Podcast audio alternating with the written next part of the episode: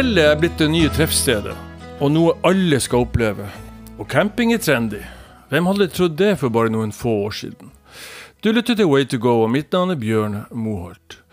Vi har merket det på alpininteressen med over 200 skianlegg som ser ut til å vokse til himmels. Og på våren, sommeren og høsten farer folk som lemen ut i den norske naturen. Det har vært en slags stille revolusjon i fjellheimen de siste årene, rett og slett. Før pandemien, vel å merke. Um, generalsekretær Dag Terje Klabb Solvang i Den Norske Turistforening, kan du forklare dette? Jeg tror det er flere grunner til at folk søker tilbake til eh, natur og roen det gir. Eh, men også fordi eh, vi har jo sakte, men sikkert blitt mer bærekraftige. Vi har blitt mer opptatt av at kanskje det vi gjør i fritida vår, heller ikke skal forurense så mye. da. Mm -hmm. nærnatur og nære opplevelser og mindre reising gir jo mer tid til fine, fine opplevelser. Mm -hmm. men har, er dette generasjonsskifte, føler du? Jeg møter jo folk i naturen og i alle aldersgrupper, så jeg tror egentlig bare det er en, mm. det er en bevegelse mer enn en generasjonsgreie. greie. Altså Folk blir mer og mer eh, glad i det nære og det enkle, virker det som for min del. da. Mm. Uh, det har jo tatt litt av. Nå har jo det siste halvannet året vært litt preget av at vi ikke skal bevege oss ut av Norge. Så, så det har jo selvfølgelig medført sitt. Men, men, vi så jo denne trenden også litt, uh, litt i, i, årene før. og Siste levekårsundersøkelsen fra SSB viser jo også at de som er nye til Norge, de som ikke er etnisk norske, men som bor her nå, de har jo i sterkere og sterkere grad også adoptert friluftslivet som sin del av eh, fritidsaktivitet. De har jo nesten tatt oss igjen i forhold til hvordan man bruker eh, naturen, eh, de som også ikke er etnisk norske. da. Det er jo kjempeinteressant. Man skulle jo ikke tro at man kommer fra tettbygde strøk i Asia, da plutselig finner ut at man vil ut i, i villmarka. Tenk, tenk, på det hvis du er vokst opp med bynære parker mm. og stor grad av forurensning, og så kommer du eh, i Norge hvor du har Hvis du bor i Oslo eller bor i Stavanger eller bor i Trondheim, så har du mark som ligger Altså Marka ligger nær byen, nær der folk bor. Og i den marka så er det liksom rent vann i bekken, og det er frisk luft å puste inn. og Det er jo ganske utrolig at vi, vi har vært flinke i Norge til å ta vare på uh, den lille naturen vi har igjen. Mm. Uh, så må vi virkelig ta oss sammen i at vi ikke bygger det den siste delen nå. Men, men i hvert fall de bynære områdene våre er verdifulle. og det, det tror jeg Kommer man fra Singapore eller Hongkong eller fra London, New York, så tror jeg den der følelsen av renhet, den, der byr vi på noe unikt, altså. Mm. Også dette her med allemannsretten tror jeg faktisk også spiller inn en del i, i, det, i denne miksen. Ja, vi har, eh, vi har, en veldig um, the, the, freedom to roam. Altså det er, det er, eh, du har virkelig muligheten til å bevege deg ute, og store områder ligger åpent. Og vi i DNT jobber mye for å tilgjengeliggjøre gjennom merking av stier og ruter og tilrettelegging av hytter. Sånn at det skal være enkelt også. Du skal slippe å bære tungt eller være utrygg på hvor du er. Mm. Men, eh, men, vi må aldri glemme heller at allemannsretten kommer, en, kommer også med noen allemannsplikter. Og det er jo viktig at når det er stadig nye ut i friluftslivet, så må vi også minne folk på hva som gjelder av regler, da. Mm. Du, eh, Dag Terje, det er ikke sikkert alle vet om Den norske turistforening. Det syns jeg er en fantastisk bevegelse. Jeg vil kalle det en bevegelse. Kan du forklare litt om den og bakgrunnen for opprettelsen av den? Ja, det skjedde tilbake til 1868. Eh, da var det riktignok gjort noen forsøk tidligere, men i 1868, 21.1, så ble vi stiftes. Og stiftet, stifteren var Thomas Hefti som da vel i sin tid var rikere enn noen nordmann eh, har vært siden. Eh, men som sa de berømte ord la oss eh, gjøre det lett og enkelt for at riktig mange kan komme og se hvor flott vi har det i vårt land. Og det var jo et motsvar da i sin tid på den europeiske Tindekulturen og klubben som, som uh, gjaldt andre naturfagre steder, der hvor friluftslivet ble en ting for eliten, og hvor andre i mindre grad uh, hadde muligheten, ofte basert på økonomi, da. Mm. Så la man da grunnlaget for dette som nå er en bevegelse. Det er helt riktig, vi er 320 000 medlemmer. Vi har representasjon over hele landet og masse aktivitet. Eh, og er en medlemsstyrt organisasjon, så det er vi jo veldig stolte av å ha blitt så store. Som nå har 550 hytter og merker 22 000 km løype om sommeren og stikker mange tusen kilometer løype om uh, vinteren. Uh, alt for å gjøre det lettere for folk å komme seg ut i naturen med den troen på at hvis vi får folk til å ta del i naturen og lære seg til å bli glad i natur, ja, da tar de også vare på naturen. For det du er glad i, det tar du vare på og, og skjøtter godt om. Det er liksom vårt mantra. Det er det, som, det er det som, får meg opp om morgenen. med at Får vi folk, og gjerne barn og unge, ut i norsk natur, så tror jeg vi har en eh, større andel eh, nordmenn som gjerne ønsker også å verne om den, da. Mm. Eh, du har jo en litt sånn broket eh, bakgrunn. Eh, hvis jeg skjønte riktig, så kom vel friluftslivet ditt litt sent inn i livet. Du har vel en bakgrunn som kokk, hvis ikke jeg husker helt feil, men tok jo da senere høyere utdannelse innenfor hotelledelse. Samt befalsutdanning i Sjøforsvaret, som jeg sikkert kommer godt med i denne miksen her. fortell meg litt om ditt engasjement for, for friluftslivet, så kanskje man får en forståelse av også den rollen du har i dag. Ja, det, det starta veldig tidlig, egentlig. For jeg vokste opp med familier som er en del av høst- og sankekulturen. Ja.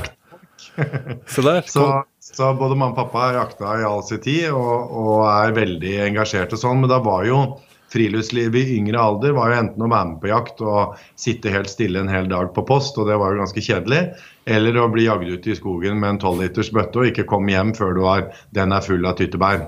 Så det var jo litt sånn tvangsorientert eh, friluftsliv. Men så hadde jeg en mormor som drev et småbruk på Finnskogen. Mm. Og, og jeg husker jo de sterkeste første opplevelsene jeg hadde, var jo når hun og jeg gikk etter eh, krøttera på, på, kvelden på høsten, når de ikke ville hjem fordi det var sopp i skogen og det var mer attraktivt enn å komme hjem og bli mjølka.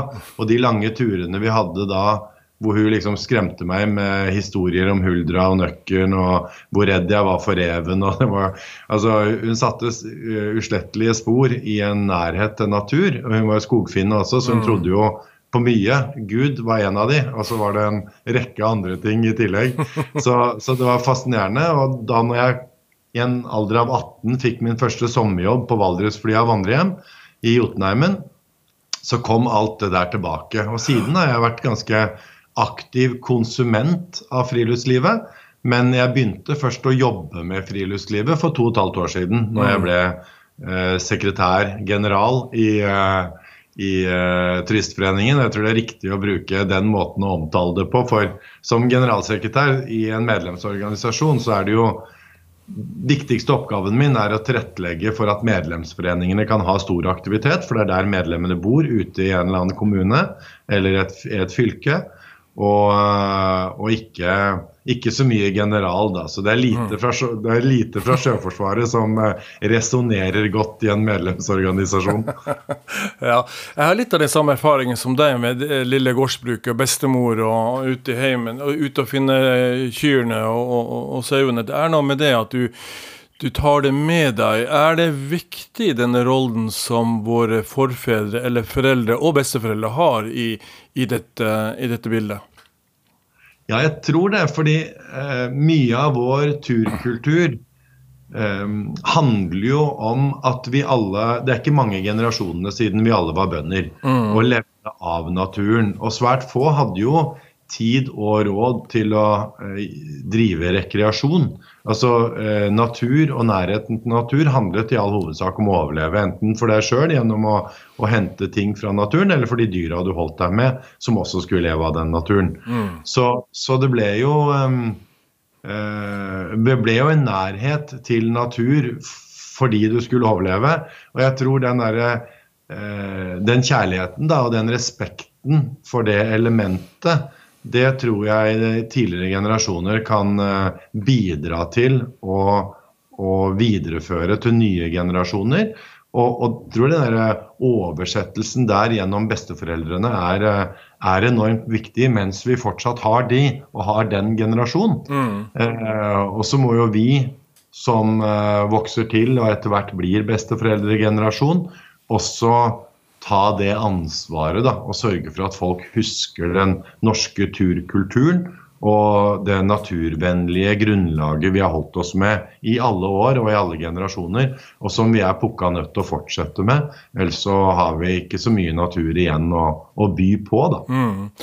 Har DNT noen type mentoreringsordning, altså mentorordning hvor du kan lære deg å, å bruke naturen? Du har kanskje et, et uh, lite ønske om det. Du kommer fra en, en større by og, ønsker å bruke naturen, men du er litt usikker på hvordan du skal gå frem. og uh, da tenker jeg det, det, det slo meg bare nå når vi prater om dette her og vår, vår, vår historie, at det, om det finnes, at om det er slike ordninger innenfor DNT.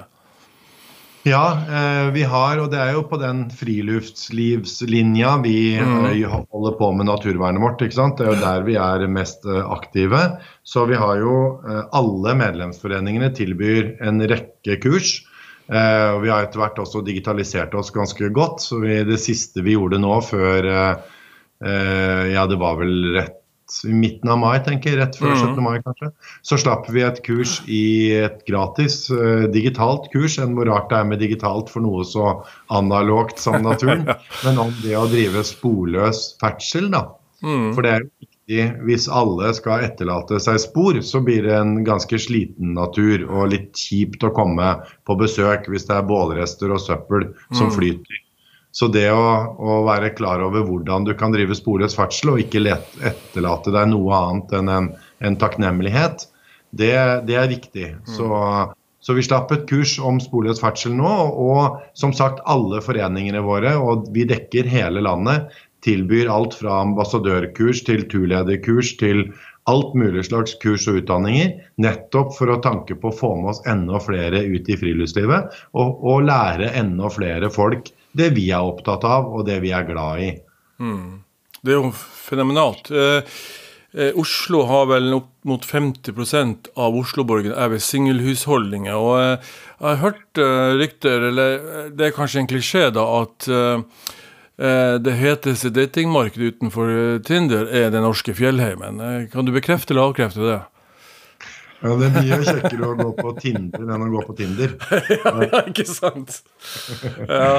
ja, helt klart. Ja. Vi har jo holdt på i noen år med det som heter Fjelltreffen, og det er mm. fortsatt aktivt. Vi slapp også riktignok sammen en aprilspøk, men den ble så godt mottatt at den er nå en permanent løsning med grønne luer hvis du er singel, og så kan du skifte til blått og rødt eller regnbue hvis det er andre ting du vil signalisere.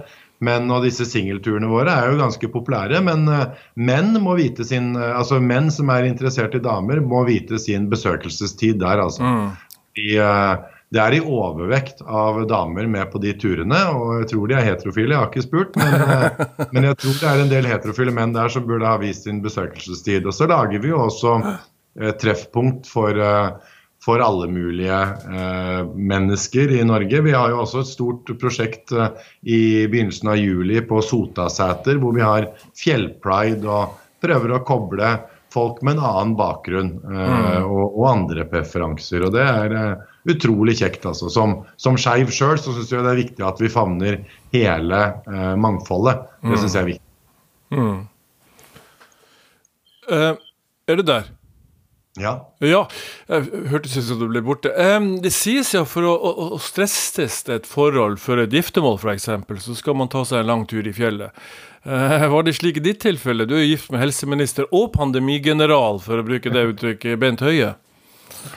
Ja, vi, vi, eh, vi, møttes jo over en felles leder. Vi møttes riktignok i Forsvaret, da, det var litt friluftsliv der òg, men, men eh, vi, vi hadde vel ikke vært sammen veldig lenge før vi tok en skikkelig langtur. Og jeg hadde jo sommerjobb på Valdresflia vandrehjem når mm. det året vi ble kjærester, så han kom jo opp og besøkte meg der òg. Men friluftslivet har alltid vært en sånn felles uh, glede for vår del. Og det er noe i det at du får virkelig røynt deg på en tur over flere dager hvor uh, du sover i telt og du liksom ting ikke er helt enkelt. da. Du mm. må planlegge litt både innkjøp og hvor tung sekken skal være, og tålmodigheten over at det plutselig var litt lengre til det neste stoppet enn det du hadde planlagt. Eh, så det er, en, eh, det er, et godt råd det der å ta seg en god, en god lang tur for å se om uh, reaksjonsmønsteret og tålmodigheten er slutt. er det du orker å leve med resten av livet. jeg har ikke gjort det sjøl. Jeg burde nok ha gjort det den gangen.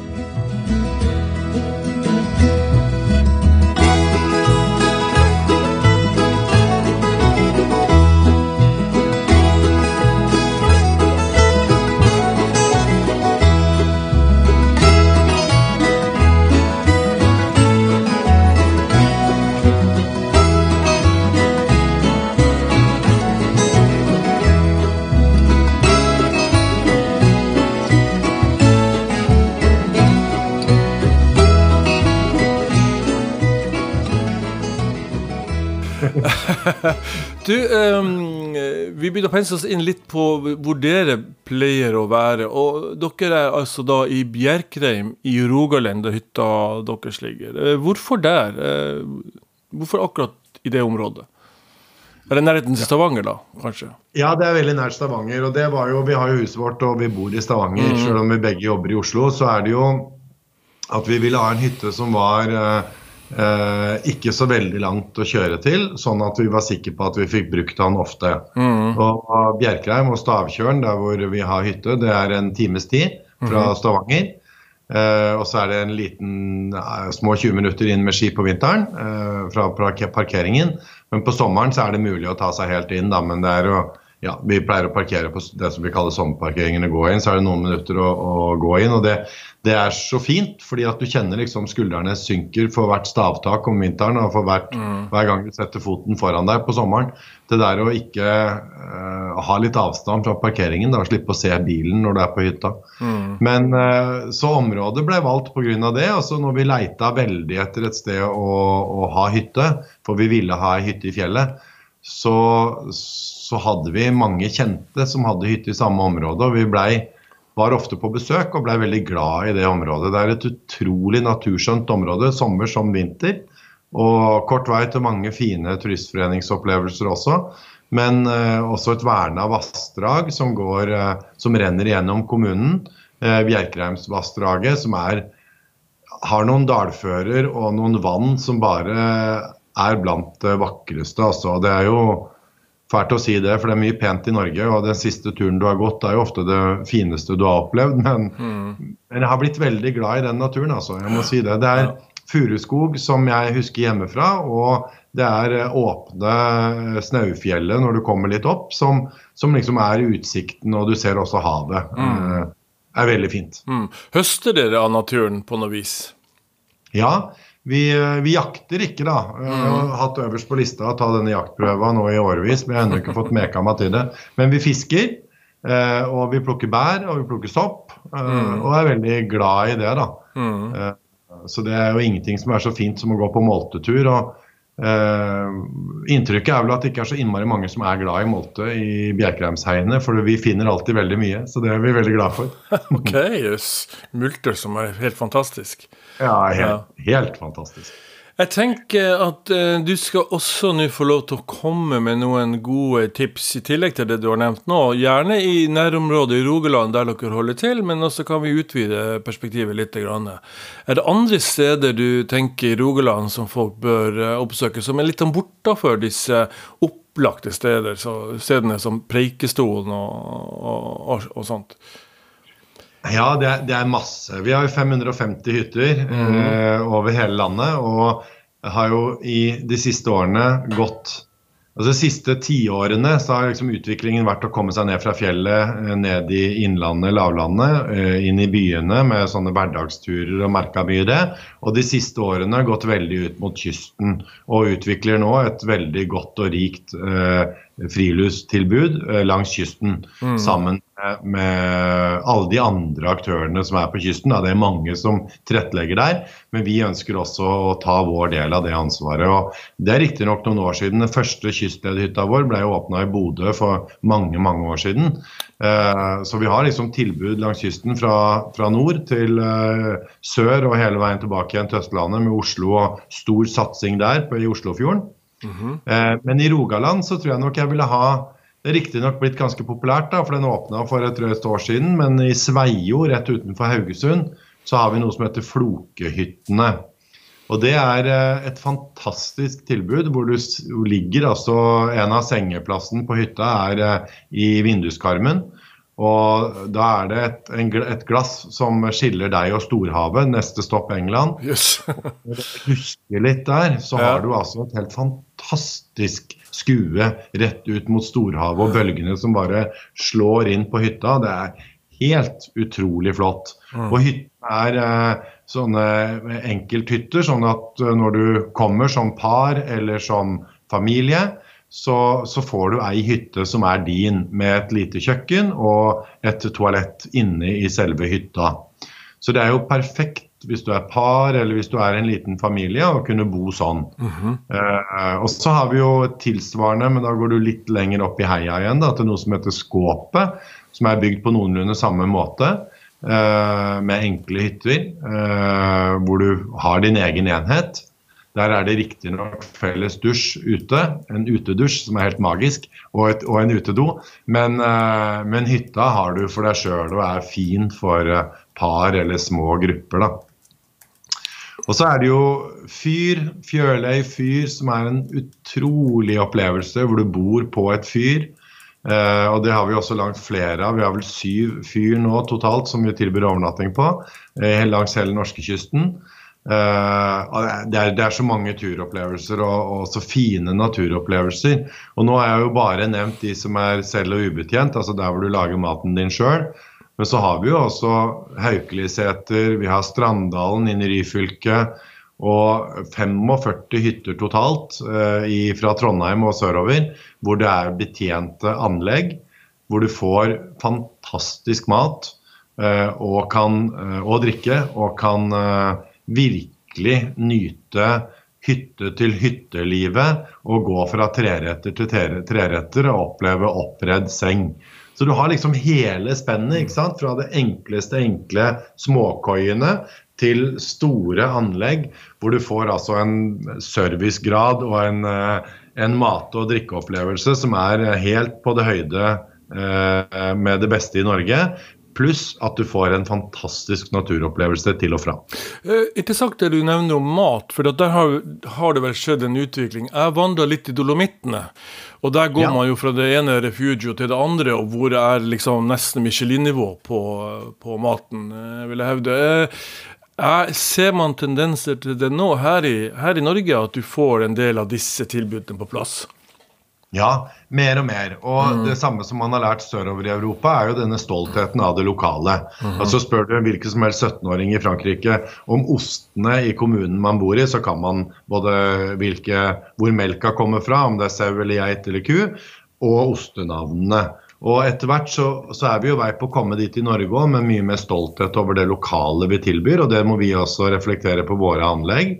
Samtidig som vi skal klare å ha disse rimelige tilbudene. Altså DNT3-retteren den skal være mulig for alle å kjøpe.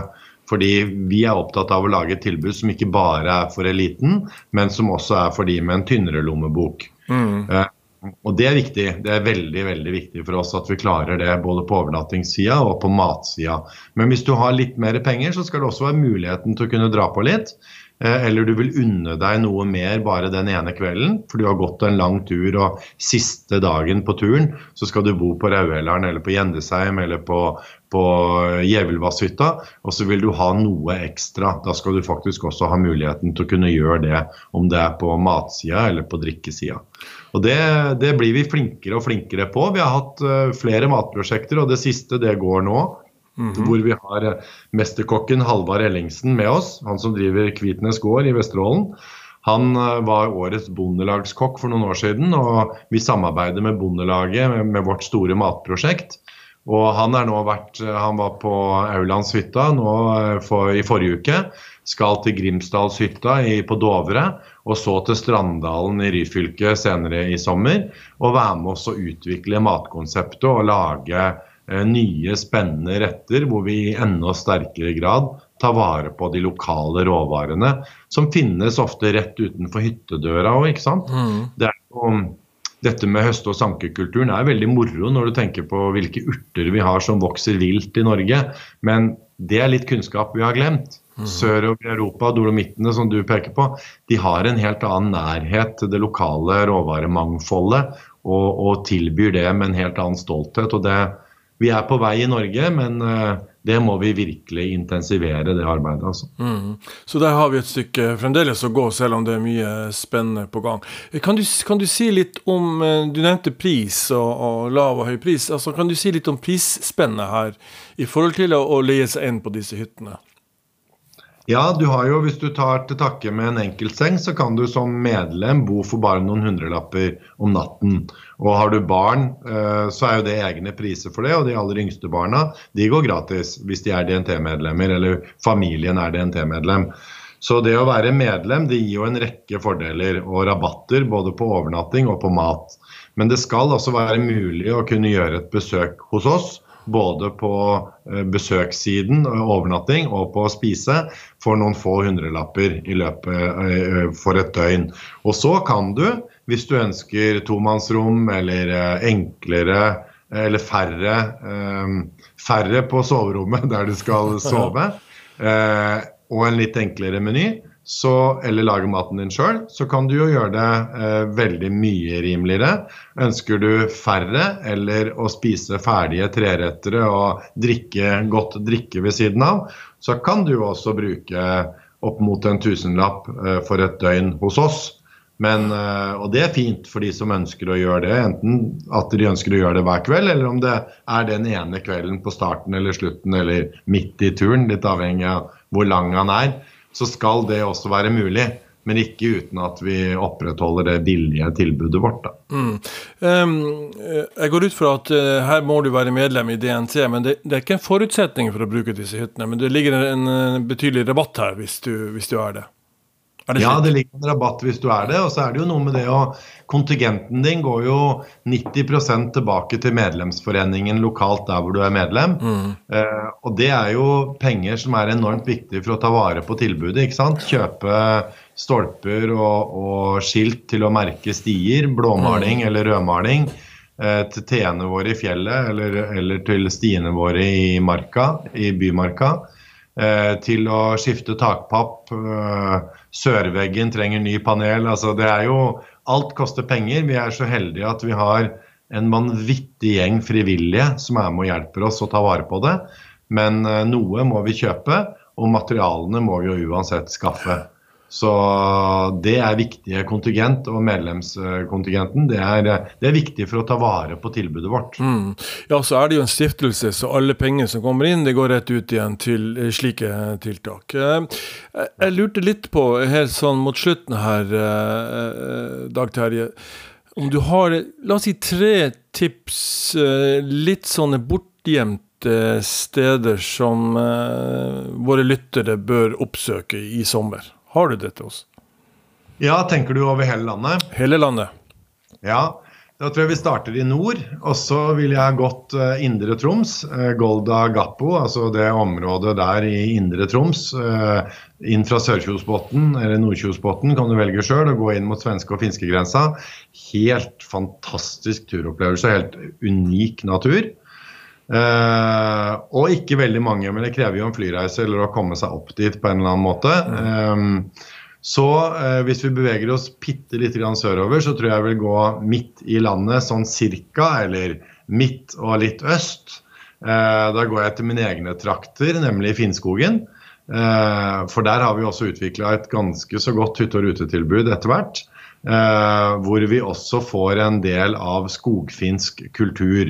Og det er jeg veldig stolt av, uh, for det er jo mitt eget opphav. Fortell, fortell bare helt sånn kort, fortell litt om, om den kulturen, for den syns jeg er jo litt spennende. Det var sånn finner som kom over. Jeg er fra Finnmark, som du kanskje hører, så jeg er nordfra. og jeg er fra Finnmark, Og, ja. og der var det et stort innslag av kvener, altså finner som kom inn og assimilerte seg med det norske samfunnet. Fortell bare helt sånn kort om denne finnkulturen. Ja, skogfinner og kven mm. er jo noenlunde samme tidsperiode og samme innvandring til Norge. Mm. Og så bosatte man seg i grensegata mellom Sverige og, og Norge eh, fra Røros og sørover til eh, Fredrikstad ca. Eh, mens Finnskogen, da, den delen av Innlandet, eh, var jo de sted, det stedet hvor det var flest som bosatte seg. Dette var på Mine folk kom i 1680.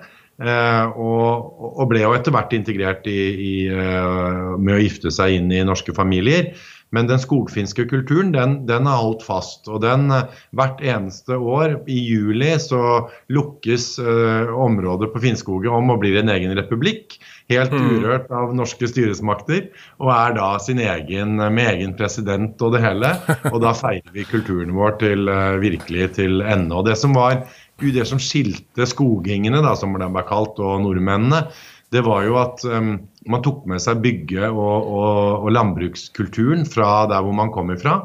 Så man hadde røkstuger, altså hus, hus mm. uten pipe, mm. der hvor man brukte røyken til å varme opp uh, huset. Uh, og man hadde det man kalte svedjebruk, altså hvor man tok vare på storskogen. Det var også noe av grunnen til at man fikk lov til å bosette seg i, i storskogen. Men man svei skogbunnen og sådde havre i, i asken. Mm. Uh, og da brukte man jo natur uh, uten å ødelegge natur. Altså Man levde av naturen, mm. i pakt med naturen. Og overtro og sjamanisme og mye symbolbruk var jo veldig styrende, og er jo til dels det i dag i form av kulturen. Uh, og mye sang når man trodde veldig på de åndene i natur. da. Mm. og Det var jo litt problematisk med den norske kristne troen. Så det var noen konflikter der, men, men de gikk også etter hvert bedre og bedre. Og den kulturen nå er jo en nasjonal minoritet som vi er stolte av og hegner om. altså. Og dette er noe det, du også kan oppleve der. altså. Hvis du drar, drar, den veien inn i Norge, så kan, er det museer, er det severdigheter som du faktisk kan komme i kontakt med, som forteller litt om dette her? Ja, og, og, veldig mange av våre overnattingstilbud er jo på eh, gamle Finnetorp. Så da vil jeg trekke frem Lebiko, som er et helt fantastisk sjarmerende lite småbruk eh, med finsk navn, hvor du kan bo eh, og oppleve akkurat den kulturen og hvordan man hadde det. Og så kan du gå til andre eh, småbruk i nærheten, hvor det også er intakte røkstugar og, og og, enda mer synlige spor. Da. Mm. Og Det siste jeg vil trekke frem da, er da er vi tilbake i Rogaland. Og vi er på et betjent anlegg som er kjent for um, Rogaland sin nasjonalspise, nemlig kumlene. Uh, som serverer de mest fantastiske kumlene som, betjent, uh, som en betjent hytte med tre retters, hvor kumlene da er hovedretten. Eh, og Stranddalen i Ryfylke. Eh, fantastisk turopplevelse inn til Stranddalen, og en eh, vakker, vakker natur. Det var tre tips. Litt sånn ulik størrelse og ulik geografi. Ja, Flott. Det nærmer seg lunsjtid og Jeg ble faktisk litt sulten av når du begynte å fortelle om den gode lokale, lokale maten. generalsekretær Dag Terje Klarp Solvang i Den norske turistforening, tusen takk for at du stilte opp, og ha en riktig god sommer. Takk og god sommer til deg også.